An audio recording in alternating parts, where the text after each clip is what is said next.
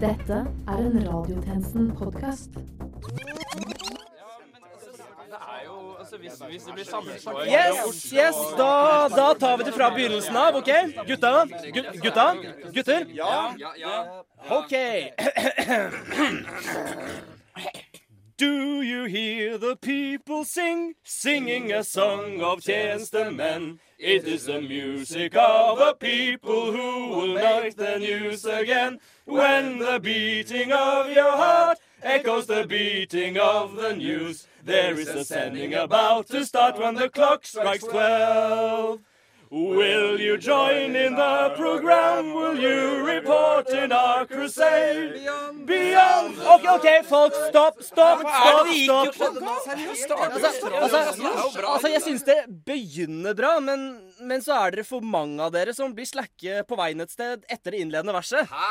Nei, men herregud Vi gjorde det Jo, jo, jo, jo, det blir dere, og dere vet hvem dere er. Eh, Vi trenger innlevelse hele veien. Herman, er den kjenningsmelodien vi har nå, virkelig så ille? Vel, den er i hvert fall ikke så ille når du har bestemt deg for å synge så surt på denne. Eller så kan du kanskje ta deg sammen, OK? OK, så en fra begynnelsen av eh, med skjerpa sinn og skjerpa stemmebånd.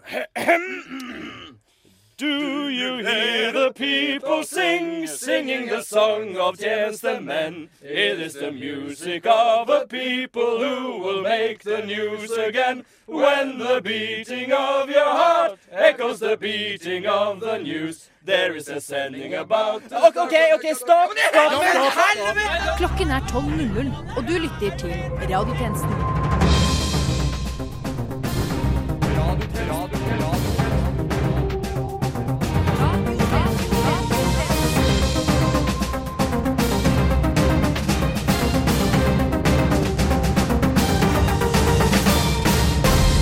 Velkommen til denne ukens radiotjenesten. Dette er Nytt under solen. Dette bør bli tidenes klimabudsjett, melder Venstres Trine Skei Grande i en sterk konfrontasjon med en av sine katter.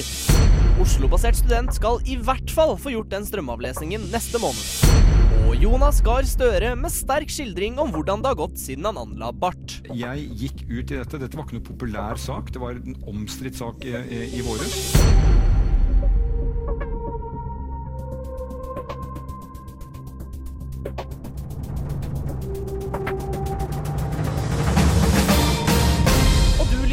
Til radiotjenesten, din noe godt i det politiske glasset. Mitt navn er Herman Arneberg Johnsen, og med meg i studio har jeg Mikkel Theodor Karlsen. Det stemmer, men Herman, hvis du er her, Ja?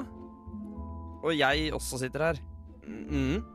hvem er det da som kjører? Jeg trodde du kjørte, jeg. Jeg trodde du kjørte! Å, nei, nei, nei, Aller først skal det handle om politikere. Nærmere bestemt fraværet av dem. NRK har denne uken gått gjennom 365 referater fra Stortingets komiteer for å undersøke hvem som har møtt opp, og hvem som ikke har det. Og av alle stortingspolitikerne kommer lederen for Arbeiderpartiet, Jonas Gahr Støre, dårligst ut, som har vært borte fra 30 av 32 komitémøter. 94% av tida, altså? Huff. Makan trist. Dårlig. Vår tjenestekvinne er på stedet for å konfrontere den skulkende partilederen. Ja, det stemmer, studio. Jeg står i snakkende øyeblikk utenfor Stortinget sammen med Jonas Gahr Støre. Og Gahr Støre, hvorfor skulker du så mange komitémøter? Vel, jeg har mye viktig å gjøre. Mye viktig å føre Vent nå litt. Å, Barten min! Du er ikke Jonas Gahr Støre. Nei, jeg har ingen bart. Men, men hvem er du? Nei, Jeg er ø, varaintervjuobjekt, men, men bare spør meg, altså. Jeg kan svare. Det, det, det er akkurat som om sjefen sjøl skulle stått her. Bare kall meg Jonas. Ok, så Jonas. Ja. Hvorfor skulker du så mange komitémøter? Vel, jeg er en viktig mann. Jeg er en uh, travel mann. Jeg er en uh, travel mann. Jeg har mange jern i ilden. Men det pågår et møte akkurat nå. Hva gjør du isteden? Jeg, jeg er på et annet viktig møte. Hva slags møte? Eh, Møte med utenriks- og forsvarskomiteen, kanskje? Det er det møtet som pågår nå. Det. Ja, ja vel, men drit i det, da. Jeg, jeg, gjør, jeg gjør noe viktig, og noe viktigere enn deg. Så viktig at du ikke klarer å forstå viktigheten av det, og dermed ikke kan vite hva dette viktige er. Men, men, Viktig! Viktig. Men syns du det er riktig at du som folkevalgt til dette vervet regelrett skulker møter som du strengt tatt plikter å være i? Herregud, de som fysisk er til stede, er jo ikke akkurat noe bedre. De spiller Pokémon Go. De, de, Jeg er en viktig mann. Ja, Men 94 fravær, Støre, er det forsvarlig? Jeg skjønner at du er viktigere enn jeg forstår, og at du gjør viktige ting, men 94% Større? Jeg er Thomas. Ja, men du er jo Ja, bare men nå er min arbeidsdag over, så Ja, OK, men kan vi bare av... niks. Jeg har klokket ut. Takk for nå. Ja vel. Som vanlig var det lite å hente fra den vage partilederen representert ved Vara Thomas. Hva var etternavnet ditt? Klokka ut!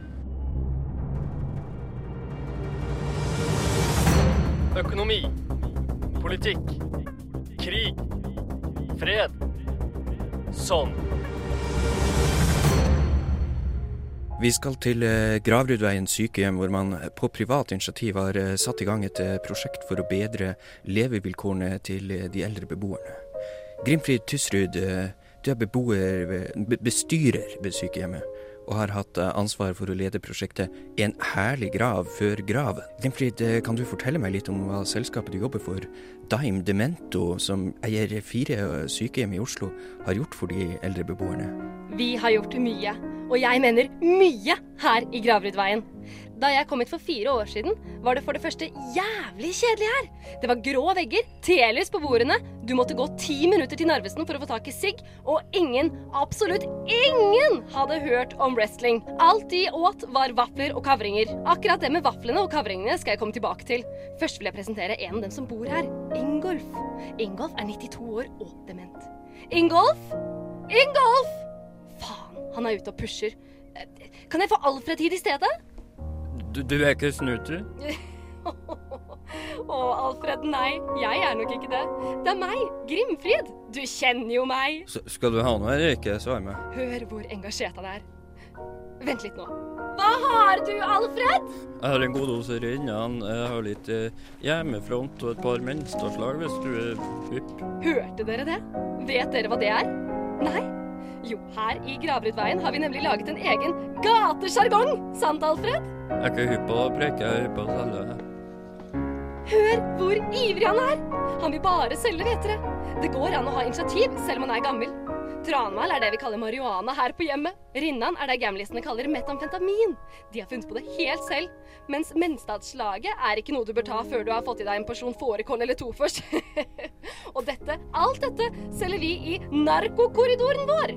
Vi mener nemlig at det er viktig at selv om man er gammel, så skal man ha samme tilgang til do som andre i samfunnet. Sant? Og det er lett å få tak i? Ja. Noen som har vært i Storgata? Vel, Alfred kommer seg ikke til Storgata. Men man kan da ha lyst til å få tak i et for det. Du blir ikke lei av party selv om du er lei barnebarna dine, pleier vi å si. Og vi har masse poppers i Gravrudveien, eller München-avtaler, som vi kaller det. Du kan ikke kjøpe Ribbentrop-akkurat da, Sigvard. Hennes greier funka jævlig dårlig sammen med kaffemelk. Dere hører at vi bygger kompetanse her, ja? Men det er mer! Da vi fikk narkomane beboere, så måtte vi jo lage en kiosk de kunne henge i. Og der får de jordbærmelk. De har mulighet til å rane den hvis de blir desperate, og det er jo gøy. Selv om mange av dem selvfølgelig har glemt hele greia like etterpå.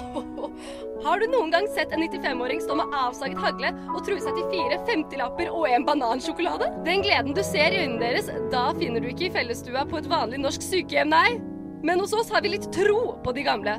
Det er fint å få delta i en økonomi, og det som har skjedd, er jo også at det kommer mange flere folk på besøk etter at vi innførte narkotikabasert økonomi her på sykehjemmet. De er ikke alene lenger. Hjørdis, kan du komme hit og fortelle litt om den nye vennen din? Hjørdis har nemlig fått seg en usannsynlig kompis. Snakker du om kniver?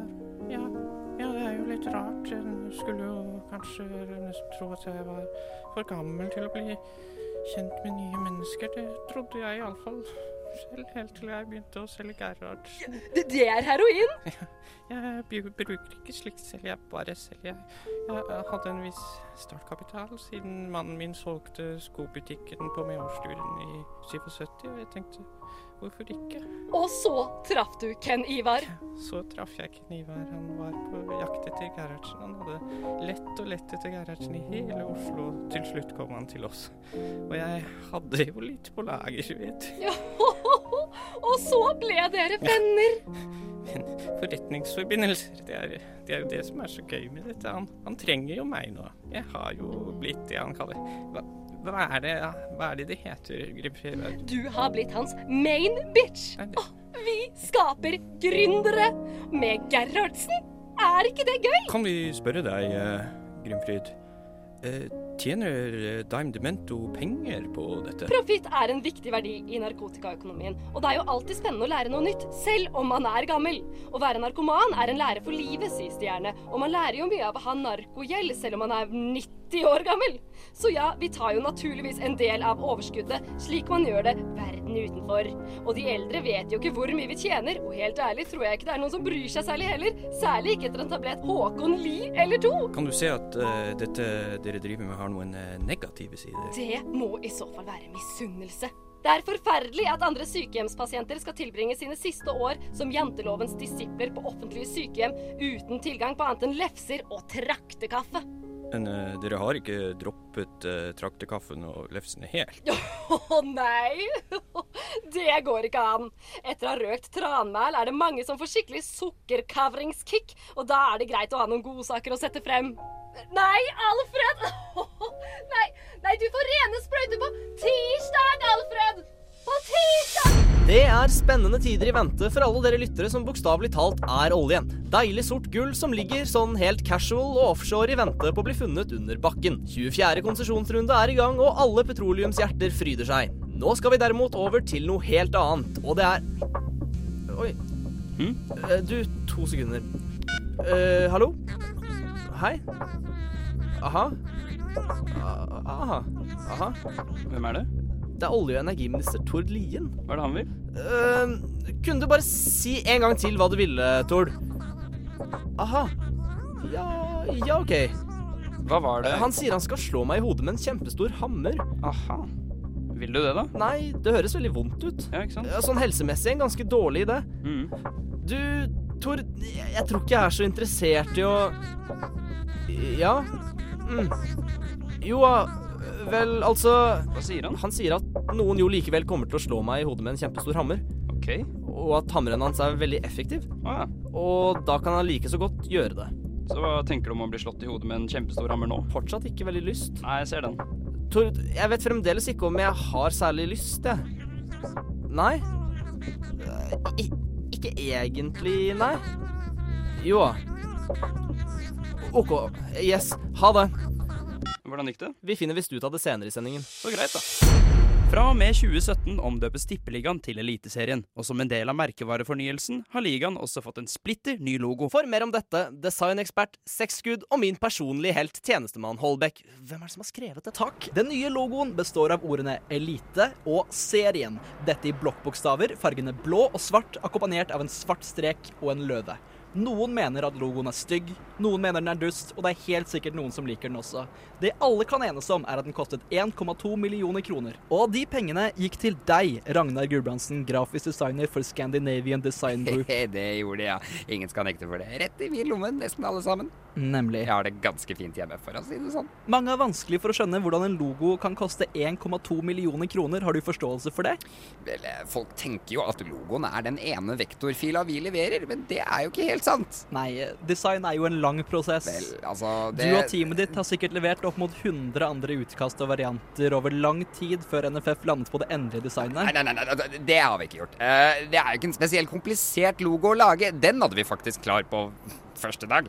Uh, det jeg prøvde å si, er at vi leverte logoen i flere formater. ikke sant? JPG, PNG, AI, PDF. Oh, ja. Og ja, vi slang til og med inn en GIF for moro skyld. En aldri så liten spøk fra dere i Scandinavian Design Group. Å ja, men den kostet 100 000. Vent litt. 100 000 for en gif? Ja, altså, vi, vi, vi ville at logoen skulle snurre rundt, da. Og altså, 3D er jo heller ikke billig. Eller ikke hos oss, i hvert fall. Men dette får det til å virke som logoer er forbeholdt de aller rikeste. Er prisene så oppblåste at Kari og Ola Nordmann aldri kan kjøpe designtjenester fra store skandinaviske byråer? Til Kari og Ola vil jeg si stå på! Dere kan gjøre det. Man må ikke betale 1,2 millioner, sant? En enklere logo, f.eks. uten uh, løve i seg, den kan bli din for bare 600 000-700 000 kroner. Enkelte vil vel påstå at dette fortsatt er litt drøyt mye penger. Ja, Nå må du huske på at vi designere også har regninger vi må betale. Altså, Jeg pusset opp badet denne sommeren, f.eks. Du aner ikke hvor dyre rørleggere er, ass. Det er for så vidt et poeng. Dette var altså Ragnar Gulbrandsen, grafisk designer for Scandinavian Design Group. Og du har vært Erlend Lunde Holbæk for radiotjenesten. Og dette er Siste nytt. Etter braksuksessen til den populære TV-serien Friends kommer nå den spirituelle etterfølgeren. TV-serien Friend, produsert av Rubicon, er ganske lik, men har imidlertid ikke mer enn én veldig isolert karakter. Også introvignetten er helt lik 90-tallsserien Friends, bare at det nå er karakteren Jeff helt alene. Han tøyser med en paraply mens han danser keitete og plasker i fontenen. Alene. Men nå til hygge. I går feiret kongeparet 25 år som regjerende monarker over kongeriket Norge. Og som en diger presenning var radiotjenesten der for å dekke det hele. Kongeparet feirer 25 år på jerntro... tronen. Og her kommer folk fra alle verdens land og alle landets fylker, ja, selv Svalbard, for å være med på moroa. Og gud, så flotte Gud og hvermannsen, men mest Gud er kledd for anledningen. Og hvem står for moroa? Det er selvsagt meg og deg og oss og dere. Sagt mer presis skattebetalerne. Monarkiet lenge leve, ja! Og se her, ja. Først opp på den røde løperen er hertug von Pengebing humpende av gårde som alltid på en diger brun sekk med et stort dollartegn på. Klirr, klirr, sier det som sedvanlig. Det der kan ikke være godt for ryggen. Ha-ha! Og på den røde løperen kommer nå hertug von Edelstein, som vi alle vet spilte bort sin enorme formue på hundeveddeløp, ikledd en tønne med bukseseler. Kom deg ut av hagefesten, hertug. Denne sammenkomsten er for fiffen, ikke pengespillende loffere. Ja, og her kommer storbonde Hansen fra Oppland i en slede trukket av hans 5000 premieokser, og med ett par slåttsparken et preg av gatene i Pamplona. Muchos gracios, amigo. Ah, 25 år, kan dere tro det? Vi snakker store mengder skattepenger, jaha! Videre har vi keiser Wilhelm fra Prøysen. Han ankommer uten en tråd, ja, i Adams egen drakt. Men kronen av gull som pryder hans hode, ser upåklagelig ut som alltid. Ja, er vi ikke heldige dere som har slikt et flott og folkelig monarki som vi kan kaste våre sårt tiltjente kronasjer til? Er vi ikke det? Er vi ikke? Vel, akkurat det er et spørsmål som splitter menigheten. Men du som følger med videre i sendingen, er i alle fall heldig, for da er blant annet dette nytt under solen. Statistisk sentralbyrå avviser Erna Solbergs påstander om at det har vært fraflytting fra Lofoten og Vesterålen. Statsministeren hevder på sin side at alle i SSB har slutta. Dusjende mann med genial respons til en rappkjeftet kollega i pauserommet dagen før. Vel, du vet hva man sier om en mann med veldig store tomler. Mange reagerer på Donald Trumps nyeste lyd. Jeg er svært sjokkert over at Donald Trump våget å lage denne lyden. Når var det Hans Majestet hørte på radiotjenesten i dag, da? Ja, Det var mens jeg gikk ned fra annen etasje til første etasje her. Ja. Ja, hva synes eh, kongen om programmet, da? Vi følte det veldig urettferdig, fordi det ble beskrevet en verden som vi overhodet ikke kjente oss igjen i. Radiotjenesten. Kompromissløs studentnyhetssatire som nesten alle kjenner seg igjen i.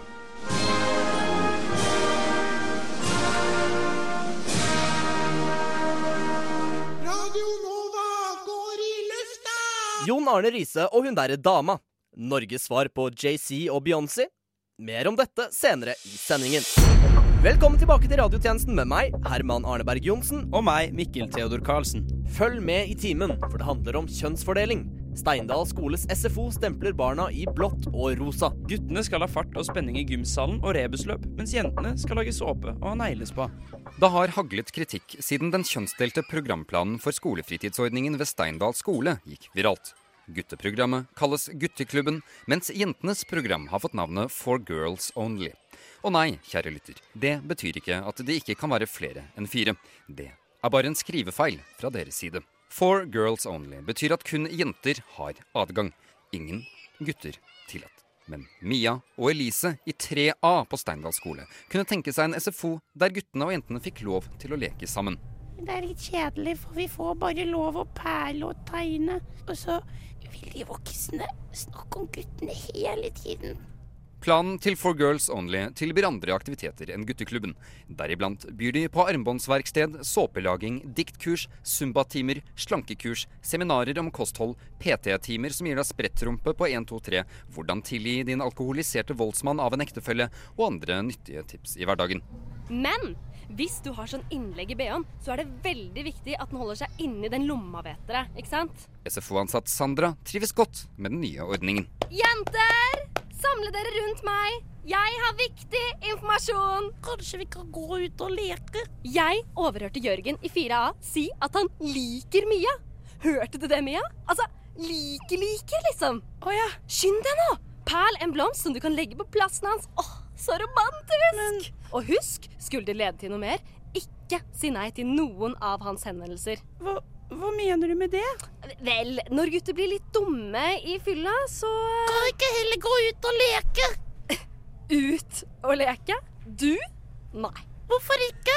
Det kan hende at du møter noen gutter. Ja, men Elise, se på deg. Du er grovt underkvalifisert. Har du sett det siste såpestykket du lagde i såpetimen, eller? Du er åpenbart ikke klar til å forplikte deg. Du blir inne og lager Morten en sandwich, du. Åh.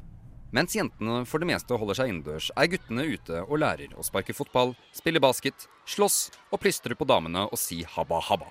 Jeg syns egentlig Top Gear har tapt seg litt etter at Jeremy Clarkson ga seg, ass. Det er ikke helt det samme banteret, liksom. Bilene er jo fortsatt bra, men altså De ni år gamle elevene Roger og Dennis er i likhet med mange av deres klassekamerater ikke helt fornøyd. Det er jo moro å spille fotball og, og være med de andre guttene. Men, men vi har jo jentevenner også. Og vi, andre savner dem litt, kanskje. Ja, ja, jeg får ikke lov til å leke med søsteren min lenger. SFO-ansatt Aksel deler imidlertid ikke guttenes synspunkt. Ja, men gutta, gutta boys, gutta krutt. Er ikke litt digg å slippe unna kjerringa sitt kjas og mas? Snakk litt om de tingene chicksa ikke forstår. Men, men, men, men Aksel, Ja, Kiss. vi forstår heller ikke alltid hva du sier, så Og forresten, har dere sett Lights Out, eller? Nei, den har, den har 15-årsgrense. Du er så sykt nerd, ass, Roger. High five, Dennis! Au! Snart har jeg spart opp nok penger til å kjøpe cross. Til vårsemesteret skal guttene lære seg å negge, fortrenge følelser og ta syke backflips. Og selv om enkelte ikke ser ut til å ha mye til overs for den kjønnsfordelte ordningen, kan man ikke ta hensyn til masete kjerringer.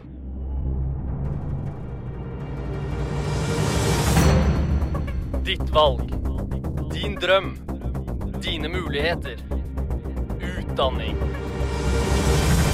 Denne uken kom nyheten om at presidentkandidat Donald Trump besøker Mexico for å reparere gjerder, slik at det skal bli lettere å bygge et ordentlig stort et. Og radiotjenestens utenriksekspert, du tror altså dette er et fåfengt forsøk på å gjøre noe med et fra før av totalknust forhold til de latinamerikanske velgerne? Ja, dette er jo altså Trump som prøver å vise at han kan være diplomatisk, men til syvende og sist så er det én ting han kan si til de latinamerikanske velgerne, og det er hasta la vista! Recuerdos muy malas, especialmente en la tienda de. Vamos a seguir, mis amigos diamantes. He ganado la lotería y todos los estudiantes americanos a la ciudad. Ay, ay, ay, ay. Så uh, lite tiltro, altså. Lite tiltro, rett og slett.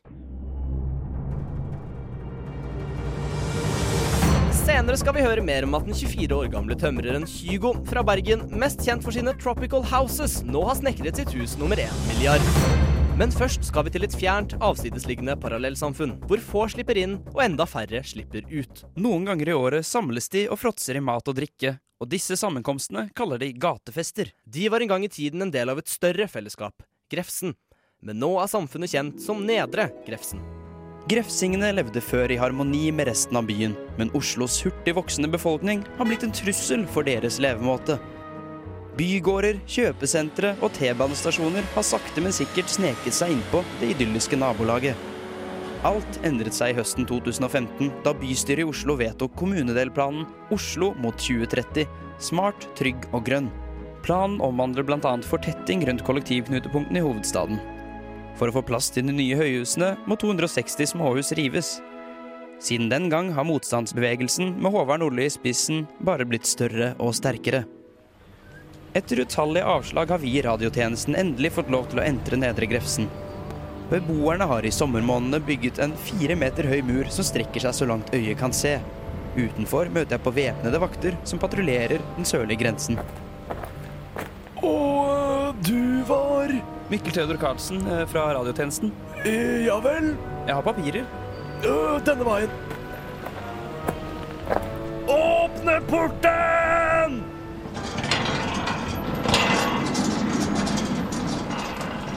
Alt virker tilsynelatende normalt med at man entrer. Ingenting minner om en aggressiv militant bevegelse, og det er overraskende få mennesker utendørs.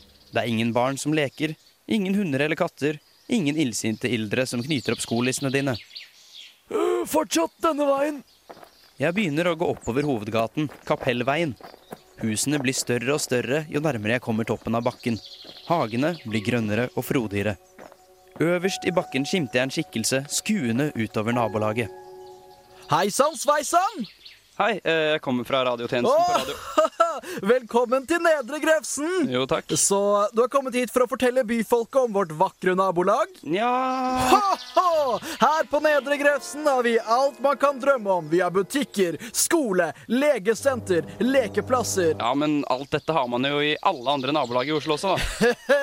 Men så fine butikker, skoler, legesenter og lekeplasser har dere ikke!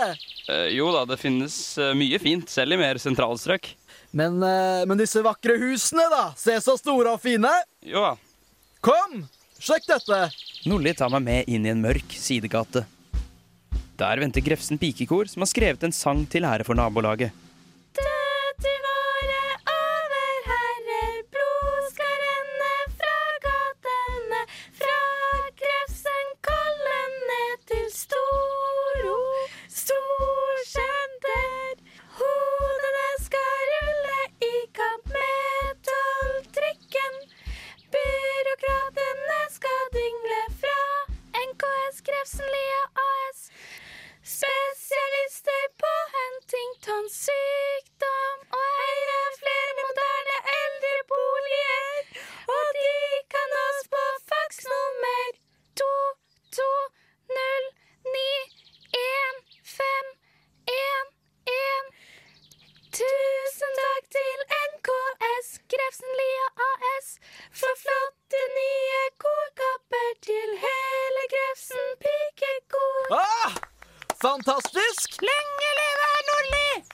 Denne fortettingen skjer jo flere steder i Oslo. Hvorfor reagerer ikke andre like sterkt som dere? Bystyret hater oss grefsinger.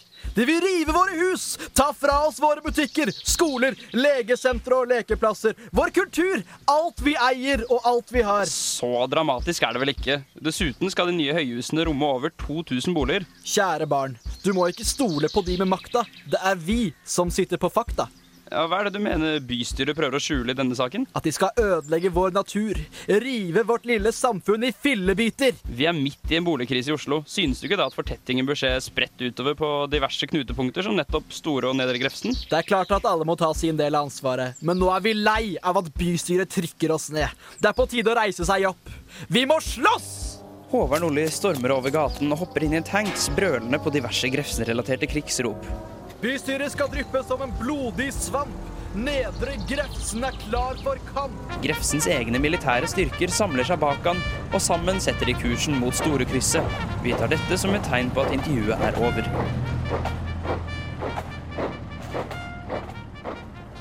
Yes, jeg kan få neste. Og eh, formen her, da? Veldig bra! Det var her det skjedde. Det ser jeg jo ikke Ja, jeg er i ship shape. Nei, det, det er du ikke. Jo. Jeg var i ship shape. Jeg tror du skal ta en liten eh, runde med luft rundt kvarteret. Jeg er et luftskip. Nei, kompis. Kompis. Nå. Og tross i eksemplarisk oppførsel. Kompis, du må komme deg hjem. Jeg bor her, jeg. Nei, det, det gjør du ikke. Jeg er eieren. Jeg er eieren av dette stedet. Kom jeg ikke inn. Og så er jeg ikke kompisen din sånn for øvrig. Ja, ja, OK. Kom, Ja, jeg, er din, jeg er din fiende. OK. Din verste fiende. På Ivars kro.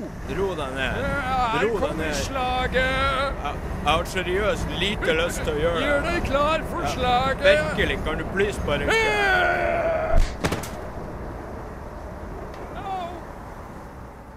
Uansett om du er full eller ikke, er Norge et av verdens beste land å bo i. Både ifølge internasjonale undersøkelser og han ene fetteren din med norsk flagg i hjørnet av profilbildet sitt. Men vi topper også en annen og dystrere statistikk. Antall overdosedødsfall per innbygger. For mer går vi til tjenestemann Sikko, som har møtt noen som ikke bryr seg så veldig. Onsdag 31. august ble verdens overdosedag markert over hele verden. Formålet med dagen er å minnes de døde og skape bevissthet rundt at overdoser kan forebygges. I den forbindelse møter vi Nina Hermansen fra rusfeltets samarbeidsorgan Aktis ved inngangen til Gunerius, selve episenteret for hovedstadens åpne rusmiljø. Hun er helt enig i at overdoser kan forebygges. Heroin er jo en veldig dum ting å ta. Det er narkotika. Det smaker ikke spesielt godt. Og dessuten, er det farlig? Du kan dø av det eller bli syk. Derfor burde heroin og annen narkotika bli ulovlig, sånn at folk slutter med å ta de. Men det er jo allerede ulovlig. Jo da, Og folk dør jo fortsatt av overdoser. det stemmer, men Og se for deg dette, hvis det blir enda mer ulovlig, kanskje folk slutter med det. Men de rusavhengige er jo gjerne mennesker som ikke har noe å tape. De har gjerne falt utenfor arbeidslivet, mista venner, familie, sosialt nettverk, penger og ikke minst verdigheten sin. Er det sannsynlig at strengere straffer vil stoppe dem fra å bruke narkotika? Jeg håper det. Hvis ikke er de jo sykt dumme i hodet sitt. Da snakker vi defekt tenkekasse. Ha-ha-ha-ha. I det siste har det blitt et større meningsmangfold i debatten om narkotikapolitikken i Norge. Nye stemmer etterlyser større innslag av skadereduksjon i norsk ruspolitikk. Men Hermansen advarer mot slike standpunkt. Jeg skjønner ikke de som mener at vi burde redusere skadene av rusbruk. Isteden burde vi bare forby narkotika slik at ingen tar det. Men folk tar det jo ennå. Det er jo litt derfor Aktis finnes, er det ikke? Bla, bla, bla, bla, bla, bla. Folk tar narkotika, men de burde ikke ta det. Altså, det smaker jo ikke godt, og i tillegg er det farlig. Derfor burde det ikke være lov å ta det. Hvis vi sier at OK, bare ta det, her er et rom der du kan smøre heroin på brødskiva, da har vi gitt opp. Men, men kan ikke politiets ressurser brukes på bedre måter enn på en krig mot narkotika som ikke ser ut til å være mulig å vinne, uansett? Hvis narkotika ikke hadde vært ulovlig, måtte politiet gjort vanskelige ting som f.eks. prioritere vold i hjemmet, finne ut hvem hjemmesbånd er på ekte, oppklare voldtektssaker, hindre økonomisk kriminalitet og Tenk på de stakkars politifolkene. Kanskje starter de å skyte svarte og brune personer hvis de kjeder seg. Det virker jo dårlig. Med mindre de svarte og brune folka bruker heroin da, ha-ha. Til slutt har Hermansen en oppfordring til norsk ungdom som ønsker å eksperimentere med rus. Ikke gjør dop. Og prøv å ikke drep noen. Vet at det siste er vanskelig, ha-ha. Og husk, det viktigste er å være ressurssterk. Bedre å ha seranosinke på brødskiva enn heroin. Trenger ikke å ha over 100 IQ for å skjønne det. Og med det er radiotjenestens tilmålte tid forbi. Men før vi avslutter, skal vi til en tjenestekvinne som rapporterer direkte fra avslutningen på oljemessa i Stavanger. Ja, her har altså magnatene samlet seg. Og jeg kan fortelle dere én ting, og det er at Ja, da kan det virke som noen slo reporteren vår i hodet med en kjempestor hammer. Men du finner oss som alltid på Facebook, Twitter, Instagram, Snapchat, Google pluss, rubrikkannonsene i Vårt Land og i din puserskoledagbok fra 5. klasse. Dette har vært Herman Arneberg Johnsen og Mikkel Theodor Karlsen for Radiotjenesten. Til neste gang, We News!